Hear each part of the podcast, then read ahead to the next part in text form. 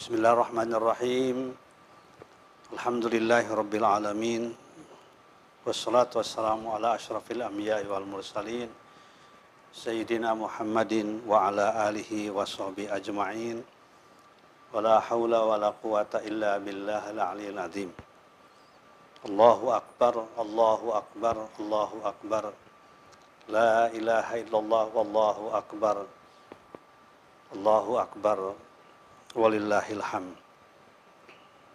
Jamaah kaum muslimin, kaum muslimat rahimakumullah. Alhamdulillah kita bersyukur kepada Allah Subhanahu wa taala dalam suasana Idul Adha pada hari ini Ahad 12 Zulhijjah 1441 Hijriah bertepatan dengan 2 Agustus 2020 kita kembali dapat bersilaturahim secara virtual untuk meneruskan kajian kita tafsir Al-Quran. Silahkan dibuka Al-Qurannya, yaitu surat Sod, ya surat Sod. Surat Sod ayat 17 sampai dengan 20. Ayat 17, surat Sod ayat 17 sampai dengan 20. Mari kita membaca Al-Fatihah. أعوذ بالله من الشيطان الرجيم. بسم الله الرحمن الرحيم.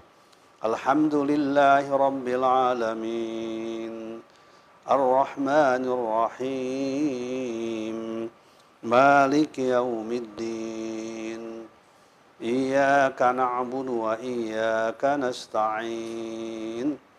اهدنا الصراط المستقيم. صراط الذين أنعمت عليهم غير المغضوب عليهم ولا الضالين. آمين. بسم الله الرحمن الرحيم. اصبر على ما يقولون. واذكر عبدنا داود ذا الأيد إنه أواب. إنا سخرنا الجبال معه يسبحن بالعشي والإشراق. والطير محشورة كل له أواب. وشددنا ملكه وآتيناه الحكمة وآتيناه الحكمة وفصل الخطاب صدق الله العظيم Isbir bersabarlah anda ala ma yakuluna akan apa-apa yang mereka katakan wadkur dan ingatlah abdana hamba kami Dauda yaitu Nabi Daud alaihissalam Zal Aidi yang memiliki tangan, memiliki kekuatan. Innahu sesungguhnya Nabi Daud awabun adalah orang yang banyak kembali kepada Allah. Inna sesungguhnya kami sakharna menaklukkan kami al-jibala pada gunung ma'hu bersama dengan Nabi Daud yusabbihna mereka membaca tasbih bil asyi wal isyraq pada waktu sore dan pada waktu pagi. Wattaira dan burung-burung mahsyurah yang dikumpulkan. Kullun semuanya lahu kepada Allah awabun kembali. Wasadadna dan kami kuatkan mulkahu kekuasaan Nabi Daud. Wa atainaul hikmah dan kami berikan kepada Daud al-hikmah-hikmah, kenabian. Wa faslal khitab dan perkataan-perkataan yang menyelamatkan. Sadaqallahul azim. Jamaah kaum muslimin, kaum muslimat, rahimakumullah di mana pun Anda berada.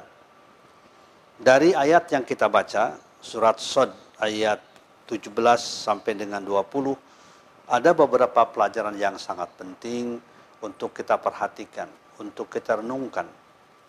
Yang pertama, ayat 17 ini dimulai dengan perintah Allah Subhanahu wa taala kepada Rasulullah sallallahu dan tentu kepada kaum muslimin, kaum muslimat, pengikut Rasulullah wasallam yaitu isbir bersabarlah Anda ala ma yaqulun akan apa-apa yang mereka katakan isbir Ya, isbir itu kalimat perintah. Sabarlah Anda, wahai Rasul. Sabarlah Anda wahai orang-orang yang beriman. Ya, ketika Anda menghadapi berbagai macam godaan, menghadapi berbagai macam tantangan dari orang-orang yang belum kenal dengan Islam, orang-orang yang tidak faham dengan Islam, atau orang-orang yang membenci kepada Anda dan kaum muslimin dan kepada Islam. Mereka memberikan stigma-stigma negatif kepada muslimin. Stigma-stigma yang buruk yang menjelaskan bahwa Islam itu bukan agama damai. Islam itu bukan agama indah. Islam itu bukan agama yang menyelamatkan, tapi agama yang justru akan menghancurkan.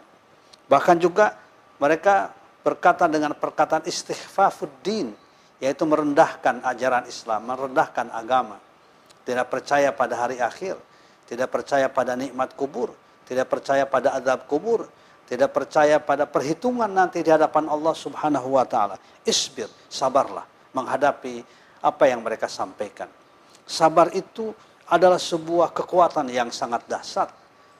Sabar dalam pengertian ulet, tahan uji, terus bertahan, terus melakukan pekerjaan yang mulia, yang utama. Ya, ini adalah merupakan uh, the power ya, kekuatan yang sangat dahsyat Sampai Rasulullah mengatakan as-sabru diaun. Sabar itu adalah sumber energi yang tidak akan pernah habis. Ketika kita memiliki keuletan, kesungguhan, terus-menerus bekerja, kemudian juga kita tahan uji ketika menghadapi stigma-stigma negatif dan ujaran-ujaran kebencian ya terhadap kaum muslimin dari orang-orang yang tidak bertanggung jawab, kita terus melakukan kebaikan-kebaikan ini. Nah, di dalam Al-Quran kalau kita memperhatikan kata-kata sabar, sangat luar biasa sabar itu. Dia adalah merupakan sifat yang utama yang harus kita miliki. Dimiliki para da'i, para ustadz, kaum muslimin, kaum muslimat, semuanya. Ya para tokoh. Pasti akan mendapatkan sesuatu anugerah dari Allah subhanahu wa ta'ala ketika kita memiliki kesabaran. Yang pertama, kesabaran itu adalah mengundang kemenangan mengundang nasrum minallah, pertolongan dari Allah, kemenangan dari Allah Subhanahu wa taala.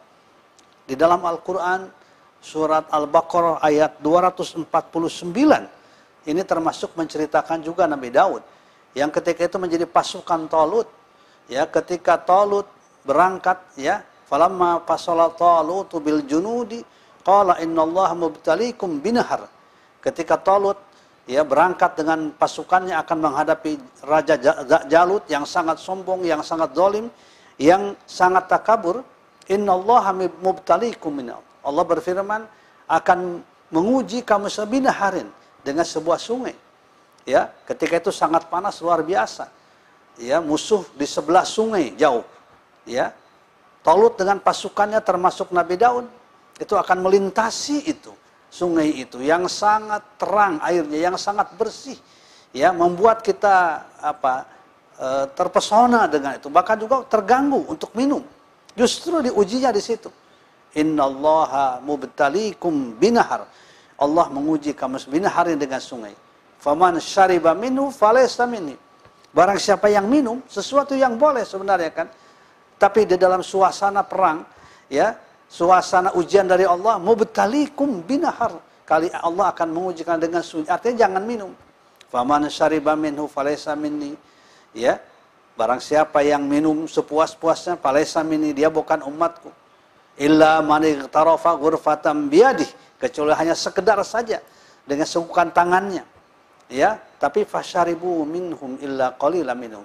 Fasyaribu minhu illa qalilan minhum maka semuanya minum di sungai itu kecuali sedikit ketika akan berhadapan dengan Raja Jalut, mereka yang minum dengan sepuas-puasnya, mereka mengatakan la taqatal yauma bijalut tawajununi. Kita tidak punya kemampuan, tidak punya kekuatan menghadapi Jalut karena sudah terminum terlalu banyak. Dunianya terlalu banyak dimakan oleh dia sehingga takut kematian. Ya, terlalu banyak air yang diminum.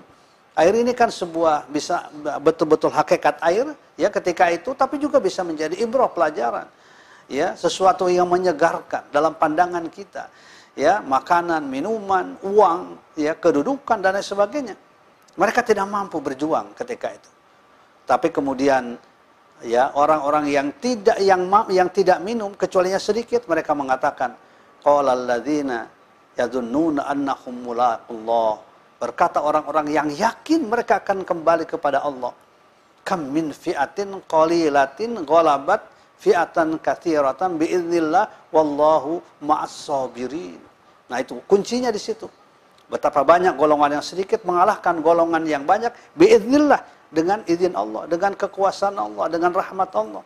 Tapi ujung ayat itu menjelaskan wallahu ma'as sabirin. Allah bersama ma'iyah bersama dengan orang-orang yang sabar, yang ulat, ya, yang tahan uji dari berbagai macam godaan-godaan yang memabukkan dirinya, yang membuatkan dia takut mati, ya, takut lapar dan lain sebagainya.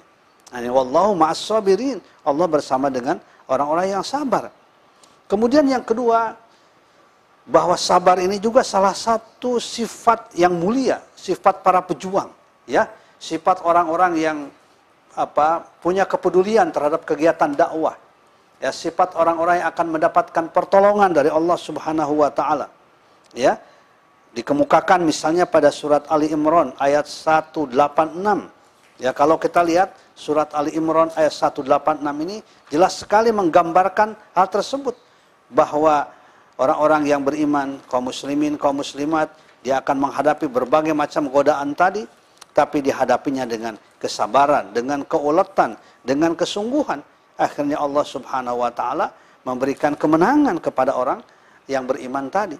La tublaunna fi amwalikum wa anfusikum. Coba diperhatikan ya, surat Ali Imran ayat 186. La tublaunna fi amwalikum wa anfusikum. Kalian semuanya akan diuji pada harta dan diri kalian. Wala tasma'unna dan kalian akan mendengar. Wala tasma'unna dan kalian akan mendengar. Minalladzina utul kitaba min qablikum dari orang-orang yang diberi Alkitab sebelum kamu sekalian. Wa minalladzina asyraku dan dari orang-orang yang musyrik. Adzan kathira. Hal-hal yang menyakitkan, yang banyak, yang sering. Adzan kathira. Ini sunnatullah di dalam kegiatan dakwah. Ya, wala tasma'unna. Kalian pasti akan mendengar. Minalladzina utul kitab dari orang yang beri Alkitab. Min qablikum sebelum kamu sekalian. Wa minalladzina asyraku dan dari orang-orang yang musyrik. Adzan sesuatu yang menyakitkan, ucapan, pernyataan, kathiron yang sangat banyak. Bagaimana perintah Allah menjawab hal-hal yang demikian? Wa in tasbiru wa tattaqu fa inna dzalika min azmil umur. Jika kalian bersabar, ternyata bersabar. Wa tattaqu dan kalian bertakwa. Ya, sabar dan takwa fa inna dzalika min azmil umur. Itulah sesuatu yang sangat penting, yang sangat utama dalam kehidupan ini. Jadi kesabaran itu bisa menjawab berbagai macam persoalan yang kita hadapi.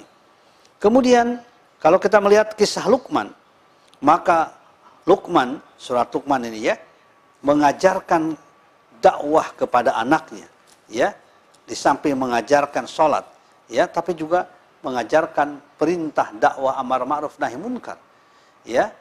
Jadi artinya amar ma'ruf nahi munkar itu harus sedini mungkin diperkenalkan kepada anak-anak kita, dikenalkan kepada para pelajar kita, para mahasiswa generasi muda, agar mereka punya kepekaan yang kuat, ya, punya tanggung jawab, dilatih, dididik, ya. Coba kita lihat surat Luqman, ya, surat Luqman ayat 17, ya, surat Luqman ayat 17. Ya bunayya, wahai anakku, panggilan yang menggambarkan kasih sayang orang tua kepada anaknya. Ya bunayya, wahai anakku, akimis sholat, tegakkan sholat wa'mur bil ma'rufi wanha 'anil munkar. Ya, Anda harus melakukan kegiatan amar ma'ruf nahi munkar. Tanggung jawab dakwah itu sudah ditanamkan sejak dari kecil. Tapi disertai dengan wasbir ala ma asobak. Sabarlah ketika Anda mendapatkan hal yang tidak mengenakan. Anak-anak kita dilatih kepekaan dalam dakwah. Ya, simpati empati kepada perjuangan Islam. Ya, Nah itu pendidikan pendidikannya harus kita munculkan kembali. Ya, tetapi wasbir ala ma asabak. Bersabarlah Anda ketika menghadapkan sesuatu sesuatu yang tidak menyenangkan. Ya, inna dzalika min asmil umur. Sesungguhnya hal itu adalah bagian perkara yang sangat penting untuk dimiliki, untuk dimiliki. Nah, ini artinya begitu sabar itu sekali lagi ya harus ada pada segala hal. Bahkan bahkan sabar ini akan mengundang al-falah akan mengundang kebahagiaan, ya akan akan mengundang ketenangan, sabar itu. Ya, tadi saya katakan diaun ya, energi positif yang tidak akan pernah habis. Nah, sabar juga begitu. Ya, walaupun menghadapi kesulitan, tapi akan terasa sebagai sebuah kenikmatan. Karena kita istiqomah dalam kebaikan, istiqomah dalam menyebarkan kebaikan, dalam amal soleh, dalam mengajak keluarga kita, sahabat kita, karyawan kita, ya, mahasiswa kita, ya, masyarakat kita pada kebaikan, ya, hal-hal yang positif kita lakukan, kita gerakkan, hal-hal yang negatif kita tinggalkan.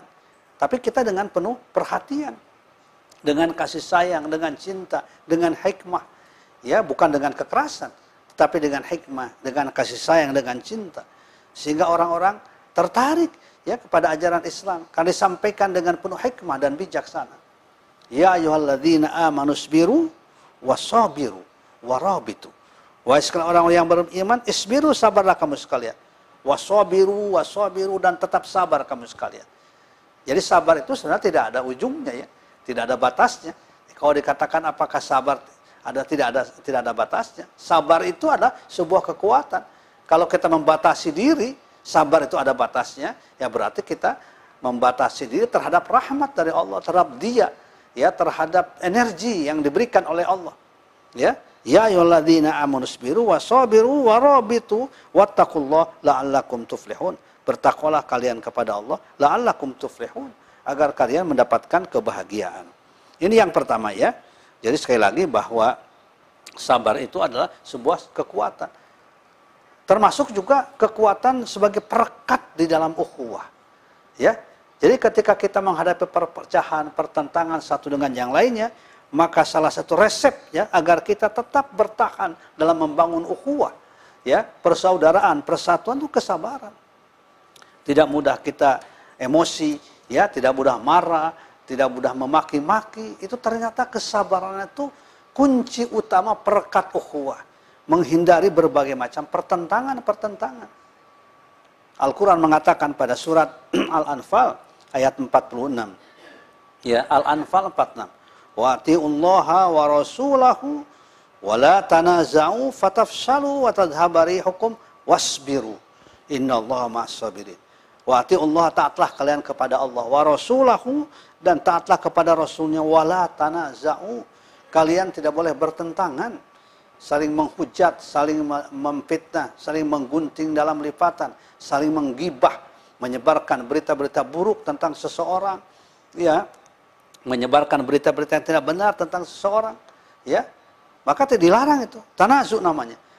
Ya, perbedaan yang menimbulkan pertentangan. Ikhtilaf itu perbedaan ada dua macam. Ada ikhtilaf yang dibolehkan, yang namanya ikhtilaf tanawu. Ya, itu dibolehkan. Perbedaan pendapat dalam pemikiran, dalam mengambil kesimpulan itu namanya adanya madhab itu kan. Ada madhab empat ya dalam bidang fikih, madhab ini dalam bidang akidah dan sebagainya. Itu namanya ikhtilafut tanawu. Perbedaan-perbedaan yang dibolehkan. Tetapi ada perbedaan yang tidak dibolehkan, yaitu ikhtilafut tanazu. Ya perbedaan yang menyebabkan pertentangan, perpecahan dengan satu dengan yang lainnya. Kenapa? Fatafshalu, kalian akan gagal ya akan gagal. Apa yang kita cita-citakan tidak akan pernah tercapai dengan sebab pertentangan ya tanazu tadi. Ya, fatafsalu wa tadhhabari hukum dan akan hilang kekuatan kamu sekalian. Ri hukum, kekuatan. Islam itu kan seperti angin yang indah, yang nikmat. Ya, tetapi tidak akan terasa kenikmatan itu ketika kita bertentangan satu dengan yang lain. Makanya istilahnya watadhaba hukum. Tapi kemudian Allah menjelaskan wasbiru sabarlah kamu sekalian. Ketika menghadapi kondisi yang semacam ini, Inna Allah ma'asabirin, sungguhnya Allah zat apa akan bersama dengan orang-orang yang sabar. Nah ini yang pertama ya, jadi kesabaran itu sangat luar biasa. Pentingnya untuk kita miliki, untuk kita latih. Isbir ala mayakulun. Yang kedua adalah pada ayat ini Allah memerintahkan kepada Rasulullah SAW untuk memperhatikan Nabi Daud. Kisah Nabi Daud, perjalanan kehidupan Nabi Daud sebagai bandingan untuk menguatkan kesabaran kita.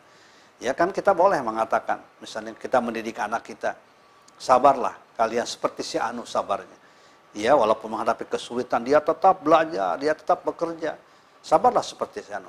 Nah Rasulullah juga diingatkan oleh Allah Subhanahu Wa Taala, wadkur abdana ingatlah kepada hamba kami yang luar biasa dia. Siapa Daud? Yaitu Nabi Daud. Zal Aidi yang punya kekuatan.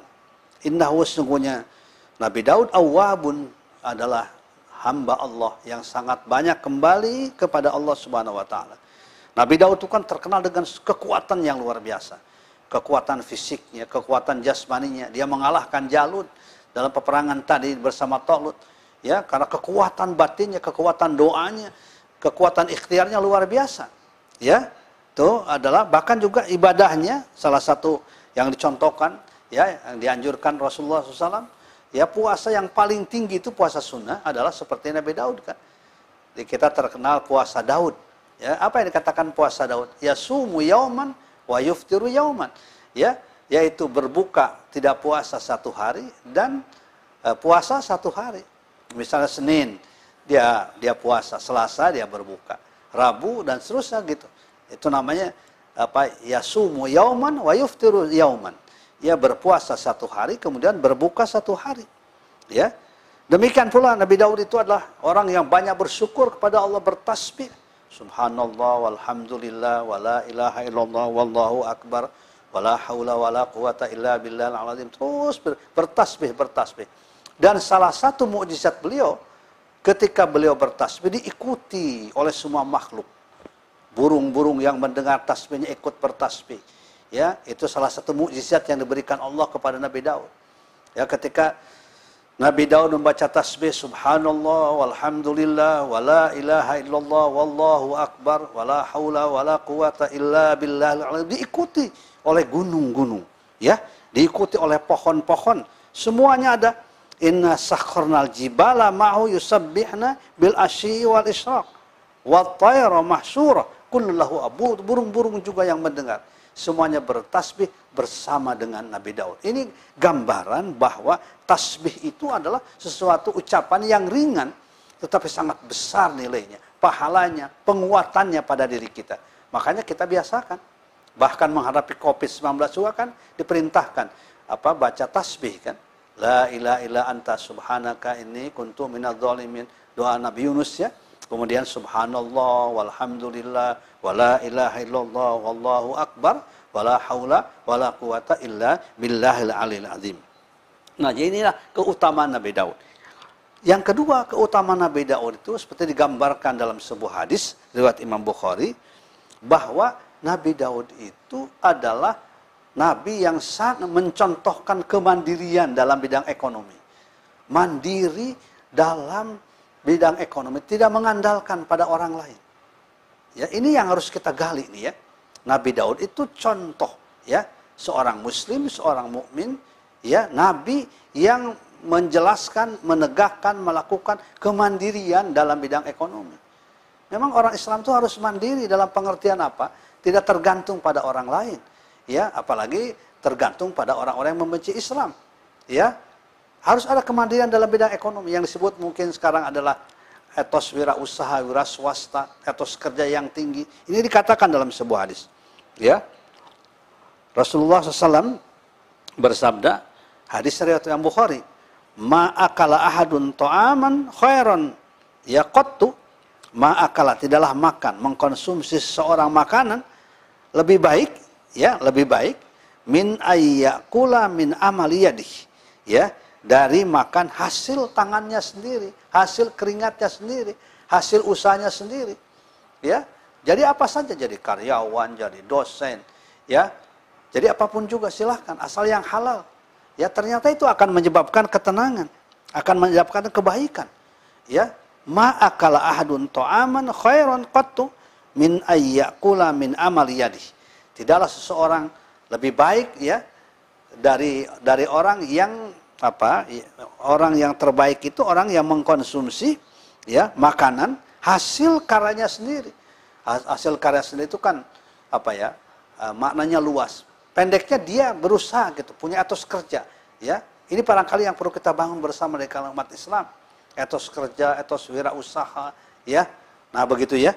Ayyakula min amaliyadih Wa inna Nabi Allah Daud ya, sesungguhnya Nabi Allah Daud alaihissalam karena yakulu min amali yadi. dia juga makannya dari hasil pekerjaannya sendiri. Membuat kalau sekarang barangkali home industry ya untuk membutuh apa untuk keperluan dirinya dan keluarganya ya ayakula min amaliyati. Memang para nabi itu orang-orang yang mulia memberikan contoh-contoh yang luar biasa ya yang indah dalam kehidupan ini ya ketergantungannya kepada Allah ketawakalannya kepada luar biasa tapi juga etos kerjanya ya etos usahanya luar biasa. Rasulullah kan juga begitu ya. Sejak dari muda menjadi pedagang. Ya, demikian pula misalnya Nabi Yusuf ya, dia ahli mekanisasi pertanian. Ya, sudah mendapatkan kepercayaan karena etos kerjanya yang tinggi. Demikian pula nabi-nabi yang lain, ya. Nah, ini ya. Jadi kalau kita ingin mengikuti sunnah Rasul dari para Rasul, salah satunya kita jangan menjadi orang malas. Ya, kita adalah ikut bagaimana mereka bekerja luar biasa, berbuat luar biasa untuk kepentingan umat yang beri contoh kebaikan-kebaikan. Di sini adalah wa inna Allah Daud alaihissalam karena yaqulu min. Sesungguhnya Nabi Daud adalah memakan dari hasil karyanya sendiri, hasil tangan sendiri. Apa yang ia lakukan? Itu digambarkan oleh Allah Subhanahu wa taala pada surat Al-Anbiya ayat 85 ya surat Al-Anbiya ayat 85 ini menjelaskan tentang apa tentang eh, apa yang dilakukan oleh Nabi Daud ya. Pada ayat ini Allah menjelaskan ya eh, apa pada ayat eh, apa surat Al-Anbiya ya surat Al-Anbiya yang menjelaskan wa 'allamnahu son'ata labusin.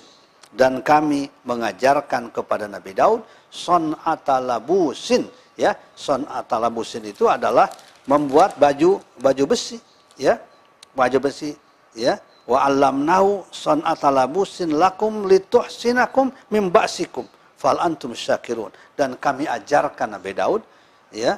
Ini 80 ya ayatnya. Surat Al-Anbiya 80 wa allamnahu son atalabusin dan kami ajarkan Nabi Daud son atalabusin membuat baju besi lakum buat kalian lituhsinakum min ba'sikum untuk menjaga kalian dari berbagai macam penyakit-penyakit. Ya, fal antum syakirun, hendaknya kalian menjadi orang-orang yang bersyukur. Ya, jadi ini pelajaran sangat berharga bagi kita. Ya, generasi muda terutama, pendidikan kita juga ya, harus juga pendidikan yang yang apa? Yang bukan semata-mata pada orientasi pada teori, ya, hanya pada aspek kognitif pengetahuan saja tapi juga aspek yang berkaitan dengan ke, apa, keterampilan, tapi disertai dengan jiwa kemandirian. So, menurut saya, ya etos wirausaha, wira swasta itu sebenarnya kan uh, mental, sikap mental. Kita tidak tergantung pada yang lain, tapi kita memanfaatkan segala macam potensi-potensi yang dimiliki, yang diberikan oleh Allah kepada kita untuk kita lakukan dengan sebaik-baiknya. Insya Allah kalau begitu akan mendapatkan ketenangan, mendapatkan kebahagiaan, dan kita akan aktif di dalam beramal soleh, memberikan kebaikan masyarakat. Inilah barangkali pelajaran yang berharga dari kisah Rasulullah SAW, dakwahnya, dan kemudian juga kisah Nabi Daud alaihissalam, orang yang bersyukur kepada Allah, orang yang banyak membaca tasbih, orang yang bekerjanya juga luar biasa, ya etos wirausahanya sangat tinggi, sehingga menghasilkan kebaikan-kebaikan bagi masyarakat sekitarnya. Mudah-mudahan Allah Subhanahu wa taala akan menjadikan kita semuanya orang-orang yang istiqomah ya, istiqomah di dalam kebaikan, istiqomah di dalam dakwah, istiqomah dalam berjamaah sehingga kita perlihatkan kepada diri kita, pada masyarakat kita bahwa Islam itu ajaran yang indah, ajaran yang baik, ajaran yang akan menghasilkan kebahagiaan, kesejahteraan, keselamatan dunia dan akhirat. Wallahu alam biswab. Para jamaah sekalian, mari kita akhiri pengajian kita pada pagi hari ini dengan membaca doa kifarat majelis. Bismillahirrahmanirrahim. Subhanakallahumma wa bihamdika asyhadu an la ilaha anta astaghfiruka wa atubu ilaihi. Walhamdulillah rabbil alamin. Assalamualaikum warahmatullahi wabarakatuh.